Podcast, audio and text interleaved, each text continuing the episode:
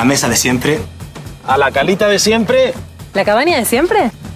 Las butacas de siempre. La ruta de siempre. Para regalo como siempre.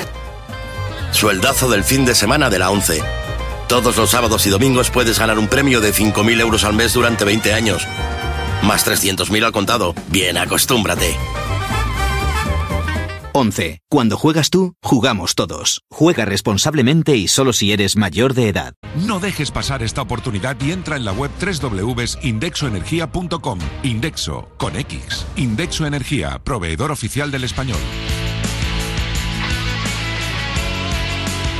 Estàs escoltant Ràdio Marca Barcelona, 89.1. Ràdio Marca! Estàs d'acord amb l'opinió dels nostres locutors? Escriu el que penses a radiomarcabarcelona.com Perquè la teva veu també ens interessa. Perquè la teva opinió és important. Fes-te sentir a radiomarcabarcelona.com La web de la ràdio dels esports.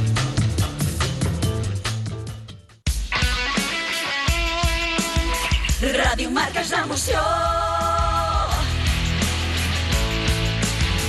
Ràdio Marca. A Ràdio Marca Barcelona, Catalunya Futbol, amb Ricard Vicente. Senyores, senyors, què tal? Molt bona tarda, benvinguts a una nova edició del Catalunya Futbol. Dijous 6 de maig del 2021, des d'ara i fins les 3 de la tarda, les informacions i els protagonistes del futbol territorial català. Amb Jordi Vinyals a la direcció tècnica i control de so, amb el suport de Manel López i Paula Moreno i el treball de redacció i producció de Marc Pena i Marta Manuel. El Barça femení es va classificar ahir per les semifinals de la Copa de la Reina al superar en la eliminatòria de quarts al Sevilla per un gol a 4 en partit de la segona divisió B que es recuperava ahir, el Llagostera va caure a Alacant davant l'Hèrcules per dos gols a zero. Avui ha nascut l'ACFAC, l'Associació de Clubs de Futbol Aficionat de Catalunya. El seu president és Javi Salamero. Ara coneixerem més detalls. Enzo Gali ha presentat la dimissió com a tècnic de la Junquera a la primera divisió catalana.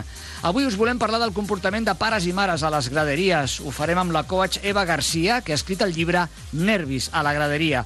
I el futbol català està de dol per la mort del jove futbolista de 16 anys Moja Genouni del Col·legi Apòstol Sant Pau de Tarragona. Catalunya Futbol, amb el suport de la Federació Catalana de Futbol. Campió, la botiga del triomf. A Campió immortalitzem les fites esportives. Visiti'ns trobarà copes, medalles, plaques, pins i també una àmplia gamma de roba esportiva. Campió, fem realitat el vostre triomf. Ens trobarà a Barcelona, carrer Lutxana 68 i també a l'Hospitalet, Terrassa, Girona i Pineda. Campió.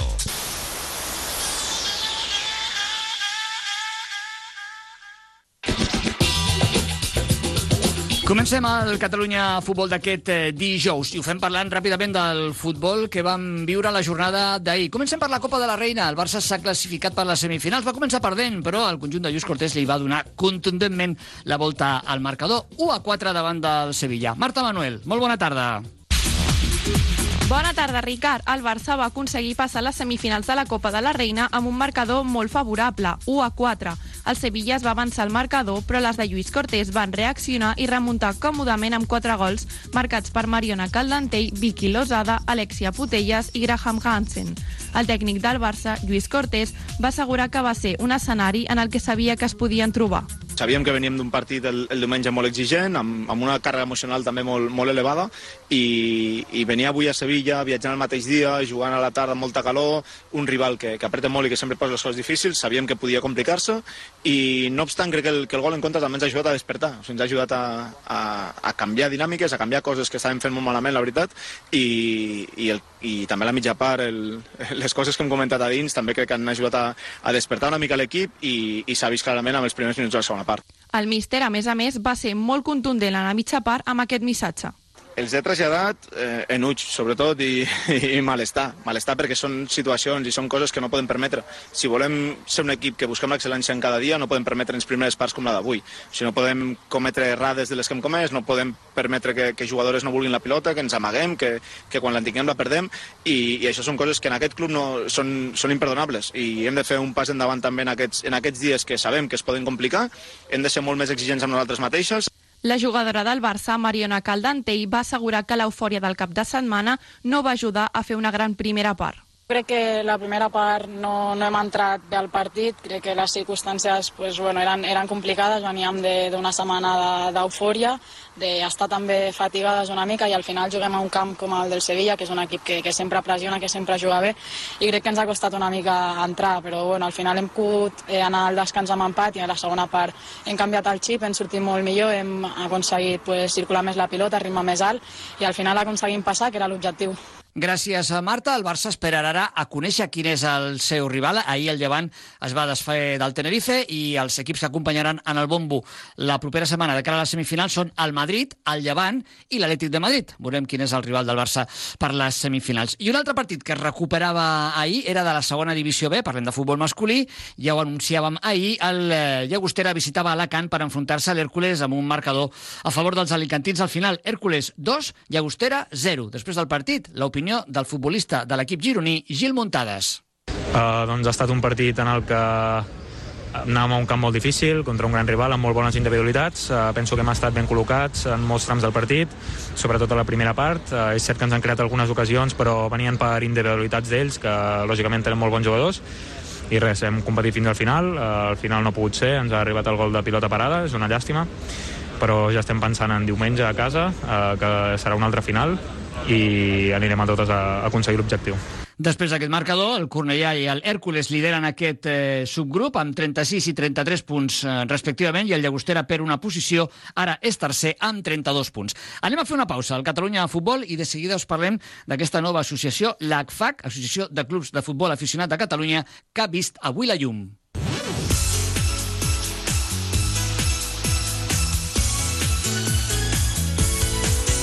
Aquest diumenge a les 11 del matí, Marcador Catalunya. Viu en directe tota l'emoció del futbol territorial català. Segueix amb els nostres enviats especials el desenvolupament dels partits de les diferents categories. Alineacions, gols, entrevistes, anàlisi, opinió... No oblidis, aquest diumenge a les 11 del matí, Marcador Catalunya. També pots seguir-nos al nostre compte de Twitter, arroba marcadorcat, a les apps d'Android i iOS i al web radiomarcabarcelona.com.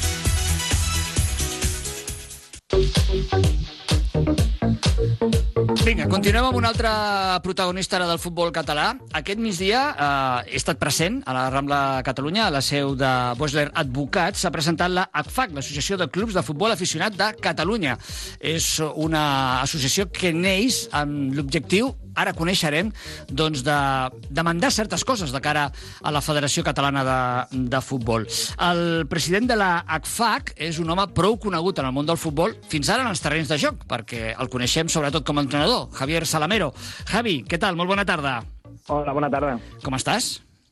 Molt bé, molt content. Sí? Molt content, sí, sí, tranquil. Sí, bueno, sí. Escolta, primer que res deixa'm aclarir aquest tema, eh, perquè bueno, ha quedat clar a la roda de premsa que també ets un directiu de club, no? Perquè no, no sé si s'acabaria d'entendre que una associació de clubs estigués pre presidida per un entrenador.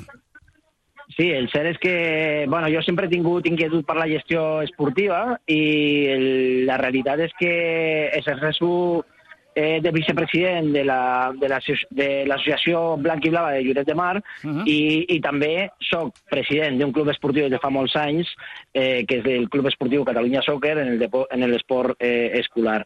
Per tant, eh, sempre he tingut aquesta inquietud i crec que ara doncs, eh, intentar eh, presidir aquesta associació de clubs de futbol aficionat a Catalunya crec que la veritat per, per mi suposa, suposa no només un repte, sinó també un privilegi i un orgull. Mm. Eh, Javi, per què neix la ACFAC?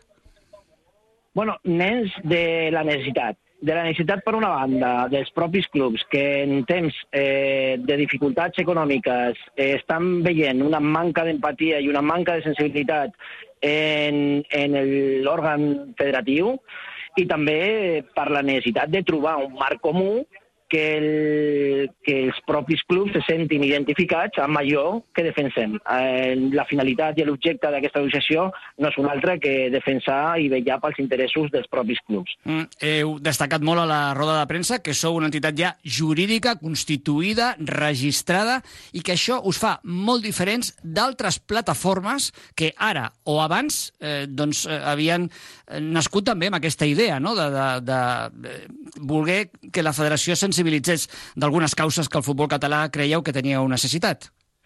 Sí, Ricard, eh, efectivament és lògic que sorgessin degut eh, a les irregularitats eh, demostrades i, i, i, i acceptades per, per, per l'òrgan federatiu, crec que és normal que surtin moviments. Eh, però nosaltres som una associació eh, amb, amb, amb un règim jurídic, eh, amb una personalitat jurídica, eh, en la que és una associació de clubs representada per clubs de futbol i que cada un de nosaltres com a persona física l'únic que fem és eh, representar la nostra entitat esportiva.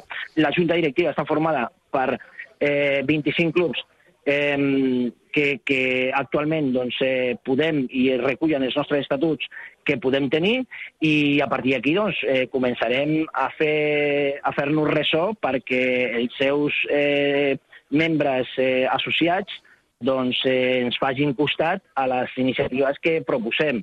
La nostra funció és una mica de servei, de servei als clubs. Mm. Eh, eh, avui heu comentat que sou 20 els eh, clubs en aquesta línia de sortida, però que us heu dirigit a molts més clubs dels que esteu tenint bona resposta. Aquest número creus que es pot incrementar força en els propers dies o setmanes, Javi? Mm. No tinc cap dubte. De fet, ja ho tenim incrementat. Crec que en les últimes 48 hores, des de la nostra convocatòria a l'acte del dia d'avui, Uh, fins, eh, fins ara hem rebut una resposta massiva i molt positiva en la nostra pàgina web, no només en la intenció d'escriure's eh, com a membres de l'associació, sinó també doncs, eh, a formar-ne part d'aquesta junta directiva. Així que hi ha una inquietud i en el futbol català i nosaltres volem recollir doncs, eh, tot allò que afecti o totes les propostes que siguin beneficioses per el, per als clubs en aquestes èpoques de dificultat. Tot i així, dir-te que ja hem presentat una sèrie de propostes per, per intentar portar a terme a l'ordre del dia de l'Assemblea i que, i que volem doncs, que, que els clubs ens facin costat perquè, perquè així sigui. Mm. Eh, unes propostes que passaven eh, doncs, per apartar, crec que el senyor Miguel Calle del eh, seu càrrec mentre no eh, s'acabi de conèixer eh, el tema del judici al que està sotmès. Eh, ja em corregiràs eh, si m'equivoco, perquè jo en temes sí, sí. judicials no estic molt posat. Eh, també fèieu la proposta de l'anul·lació del sou que en l'actualitat té el president de la Federació Catalana de, de Futbol, de la gratuïtat en quant a les quotes de la temporada vinent per als clubs i una rebaixa del 50% en el carnet del federat, que no es cobrin dietes per part dels directius eh, ni rebin eh, doncs, eh, diners per participar en les diferents eh, comissions. Eh, en fi, tot això ho voleu transformar sí, també en preguntes i, i que portar a l'Assemblea i que hi hagi ascensos i que reconeixi el mèrit esportiu, però que no hi hagi no ascensos. Aquesta, no aquesta temporada, alguna... eh, parlem, aquesta temporada sí, sí, pandèmica. Temporada, eh? Una temporada que, tenim, que, que sabem que ha estat totalment del tot atípica eh, i per, per, per una temporada doncs, eh, que, que no ha estat ordinària, doncs eh, s'han de mm, eh, treure mesures doncs, extraordinàries. I en aquest cas el que volem és que es reconeixi el mèrit esportiu i que hi hagi ascensos i que no hi hagi descensos no només en el futbol territorial, sinó també en el futbol de base, en el futbol femení, en el futbol sala. Mm. Escolta, eh, és una associació que es pot eh, convertir en oposició de la Federació Catalana de cara a unes futures eleccions? Mira, no estem centrats tant en les, eh, en, en les futures eleccions perquè ara mateix l'únic que tenim el foc posat és en la pròpia assemblea. Però també vull comentar-te que, que a dia d'avui eh, serem oposició de tot aquell eh, que no sigui honrat en la seva gestió i administració del patrimoni i dels recursos dels propis clubs. Així que, sí, eh, si si l'intentar vetllar pels interessos dels clubs i que això comporti doncs, eh, presentar-nos com a acusació particular en casos de corrupció dintre de l'òrgan federatiu, doncs sí, serem una posició activa, mm. sense cap dubte. I, Javi, acabo, no sé, heu parlat vosaltres amb la federació? Heu anunciat o els heu dit que us presentàveu? Heu demanat eh, una trobada amb ells? Bueno, jo, jo crec que els clubs, eh, quan arriben a aquesta associació, arriben per una manca d'empatia clara i evident eh, de, de, del propi òrgan federatiu. I, I quan arriben és perquè no s'han sentit escoltats. Eh, tenim actualment en la nostra en la vicepresidència tres clubs de primera catalana que no s'han sentit eh, escoltats eh, els eh, clubs que tenim de segona catalana pues, estan molestos amb les decisions que s'han pres a nivell de pla de competició. Eh, eh, bueno, i, I tots i cadascú dels, nostre, dels membres de la Junta Directiva, i més que, que, que seran socis i, i, i afiliats de la nostra eh, associació doncs, eh, bueno, han trobat que, que això és així. Per tant, jo crec que el moment del diàleg eh, i, de, i de les paraules ja s'ha acabat, crec que és el moment dels fets, i nosaltres ara mateix l'únic que emprendrem són accions eh, per intentar doncs, garantir que aquesta associació doncs, sigui lo suficientment efectiva en assemblea com per prendre eh, mesures. Pensa que, és un, eh, que es prenguin una sèrie de propostes a l'Assemblea és un fet històric, mai s'havia fet, pues és el que volem, que siguem capaços a, a que els clubs i el futbol català plegat doncs digui no a, aquest, eh, a aquesta gestió, gestió actual de la Junta Directiva de la Federació. Javi, acabo amb una pregunta més de caire personal, perquè em costa no? encara identificar la figura de Javier Salamero com un directiu més que com un entrenador. Això vol dir que de moment t'apartes de les banquetes? Bueno, mira, eh, Ricard, jo, jo crec que en la meva, en la meva professió en la meva trajectòria professional he fet pràcticament de tot. He, he entrenat a totes les categories, he fet de director esportiu, he fet de eh, gerent d'un club esportiu, eh, com el Figueres, i, i jo crec que ara és el moment doncs, eh, de, de tenir uns altres interessos. Els meus interessos passen per, per intentar donar i amplificar veu a, a tots aquells clubs que senten una mica doncs, eh, no ben tractats. Mm. Però en un futur podries tornar una banqueta, entenc, no? De... O sigui que ara... No, jo, jo no renuncio a res, Correcte. però ara mateix tinc els cinc sentits posats en el que realment importa, que és, eh, que, és que els clubs doncs, eh, se sentin identificats amb, no amb la meva figura, perquè al final jo sóc el representant d'un club, sinó en, en una associació que, que sense cap dubte intentarà, intentarà vetllar perquè i garantir que, que els interessos dels clubs eh, siguin respectats. Doncs avui han escoltat aquesta associació de clubs de futbol eh, aficionat de Catalunya i hem escoltat atentament el seu president, el tècnic, l'entrenador, però també directiu, Javi Salamero. Javi, moltíssimes gràcies per atendre'ns i una forta abraçada. Molt bona tarda. Molt bona tarda, gràcies a vosaltres. Ya sabes que en Inter es una empresa líder en mantenimiento de ascensores multimarca, pero ¿sabías por qué? En Inter nace en 1973, haciendo el mantenimiento de cualquier marca de ascensores. Cuenta con un centro tecnológico Design and Future donde estudian todos los ascensores del mercado para realizar un mantenimiento en Inter con la máxima garantía y fiabilidad. En Inter Design and Future completa el conocimiento de las innovaciones tecnológicas para alcanzar un mejor servicio a nuestros clientes. No importa la marca, no importa la avería. La solución al mantenimiento y reparación de su ascensor tiene un nombre, en Inter. Ascensores en Inter, juntos llegaremos mucho más alto. En Inter, ¿subes? ¿Su vivienda en el Prat? Periáñez. ¿Su parking en el Prat? Periáñez. ¿Su local comercial en el Prat? Periáñez. ¿Su nave industrial en el Prat? Periáñez. ¿Su terreno en el Prat? Periáñez.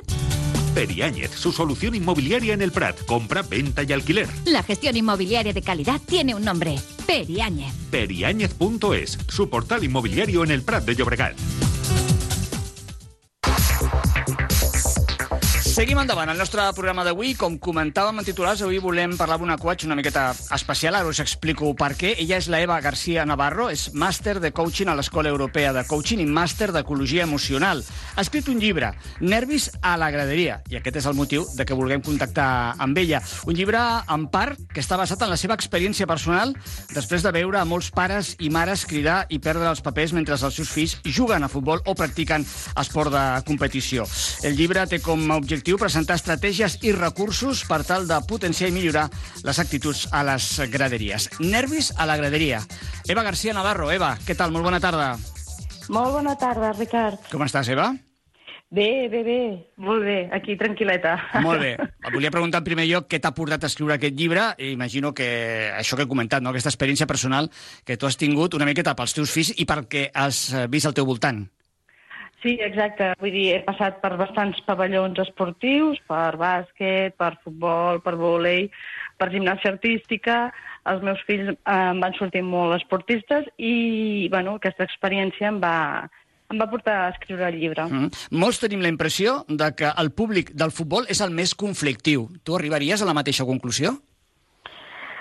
Potser sí, hauríem de fer-ho amb estadístiques, no? Potser no és el més conflictiu, o sí, és el més conflictiu, però sí que és veritat que és el que més habitualment veiem, no? Les escenes de violència, tant verbal com física, eh, ens dona aquesta sensació que la graderia del futbol sigui com un espai permès d'expressió de, d'aquesta violència, no? Mm. És, eh, és un lloc on trobem aquestes expressions, no és el lloc l'únic, però sí que és veritat que també hem de pensar que, clar, que la violència és inherent a l'ésser humà i és una conducta derivada d'una emoció com la ràbia, la frustració, la indignació, que cal aprendre a gestionar. Mm, la veritat, eh, jo també tinc aquest, aquesta intuïció o, o aquesta perspectiva no? de que el futbol és el que té el públic més, eh, més conflictiu perquè eh, realment és el que té més practicants, segurament el que té més aficionats i, i clar, per quantitat és probable, però clar, jo no recordo un partit de tennis, un partit de vòlei, gimnàsia artística, com deies, o amb una piscina que la gent, eh, pares o cridin o es barallin.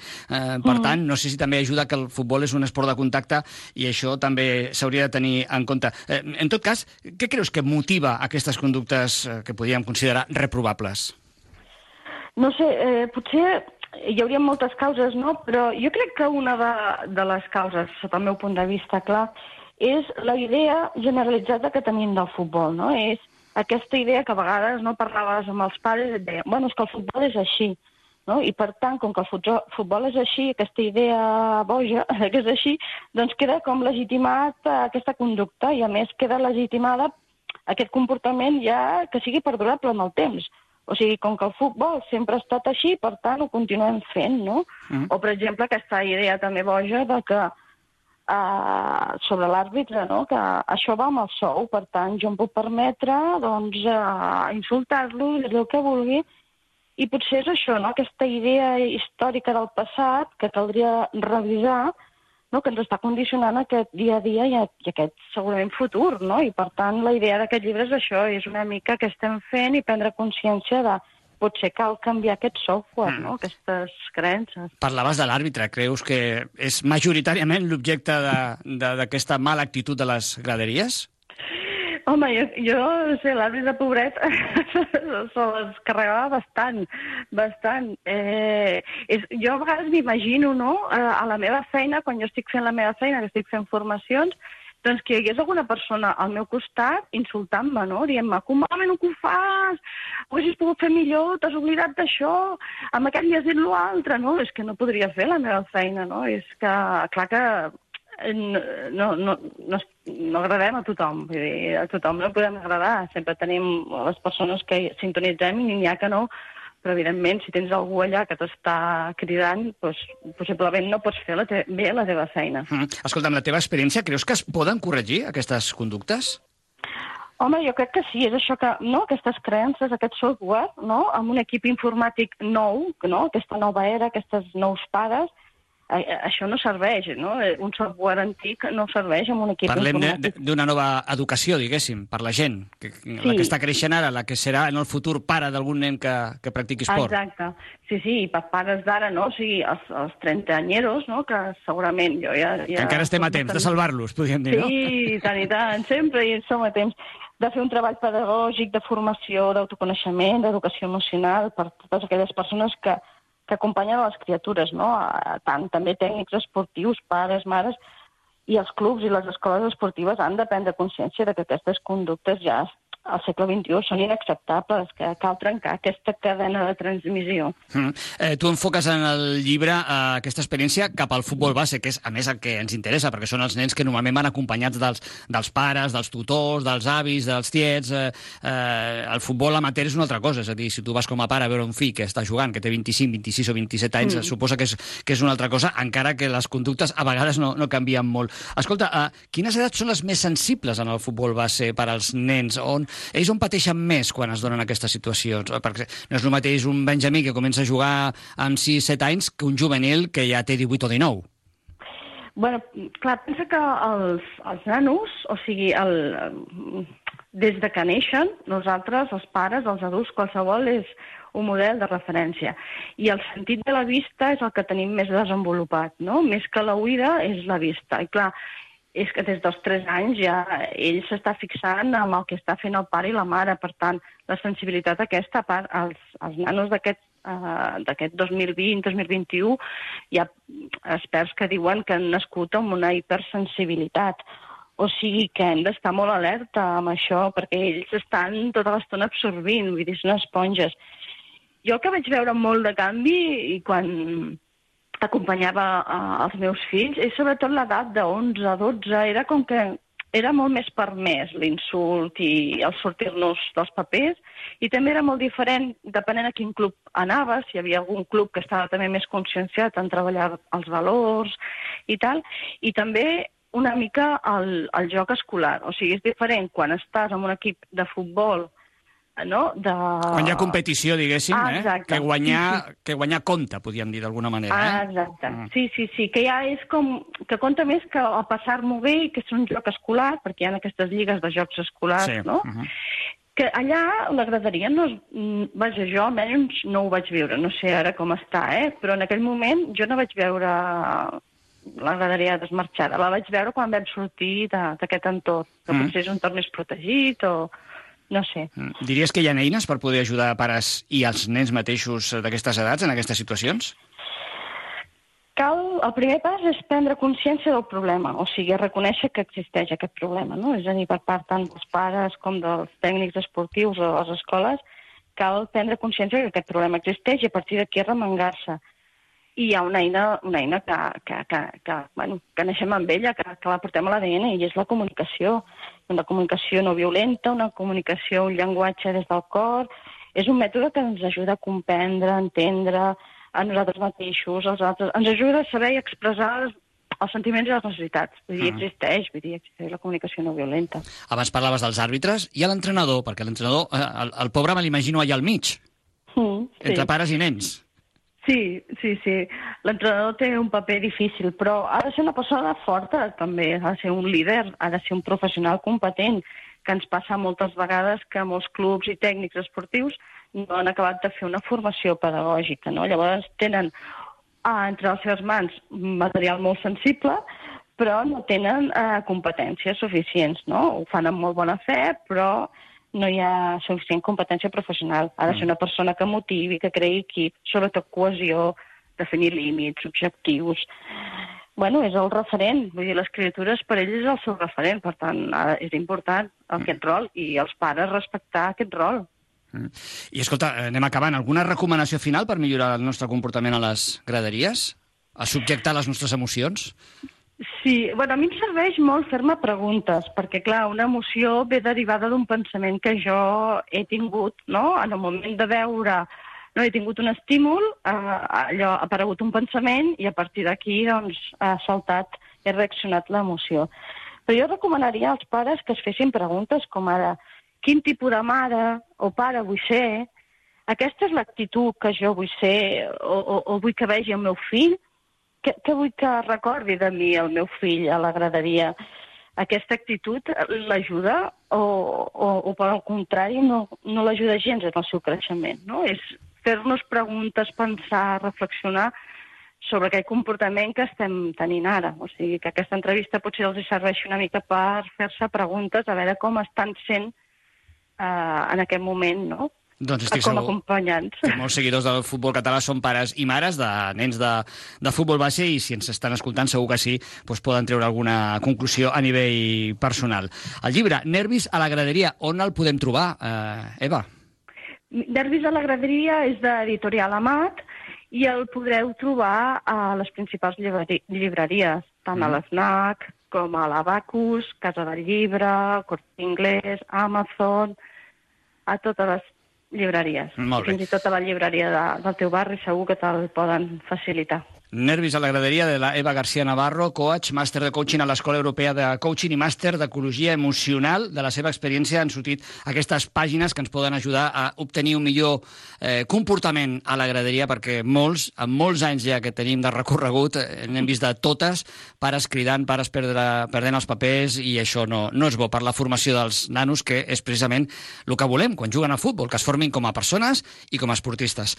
Eva García, moltes gràcies per tots aquests minuts, felicitats per el llibre, estarem molt atents també a llegir-lo, perquè no l'he pogut completar del tot encara, i una forta abraçada. Fins una altra molt bona tarda. Fins una altra, Ricard, moltes gràcies, un plaer. Tots som un equip. Es viu quan surts de la feina per anar a entrenar amb els teus companys. Es viu quan t'acostes al camp i la gent t'anima com si fos una final. I es viu quan mires orgullós el teu equip i entens que aquests són els colors de la teva vida. Perquè vius el futbol les 24 hores. Arrenquem la nova campanya Tots som un equip, de promoció del futbol territorial i el futbol sala amateur català. Amb bonificacions en les quotes d'inscripció i mutualitat, ajut econòmic en arbitratges i quilometratge i Premi Joc Net. Perquè formem part de la mateixa família, la família del futbol. Federació Catalana de Futbol. Tots som un equip.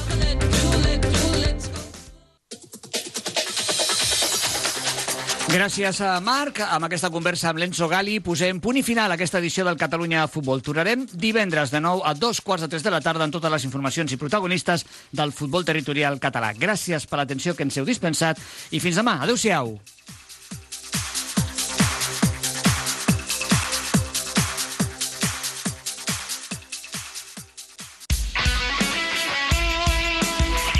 Ràdio Marca és l'emoció. Ràdio Marca.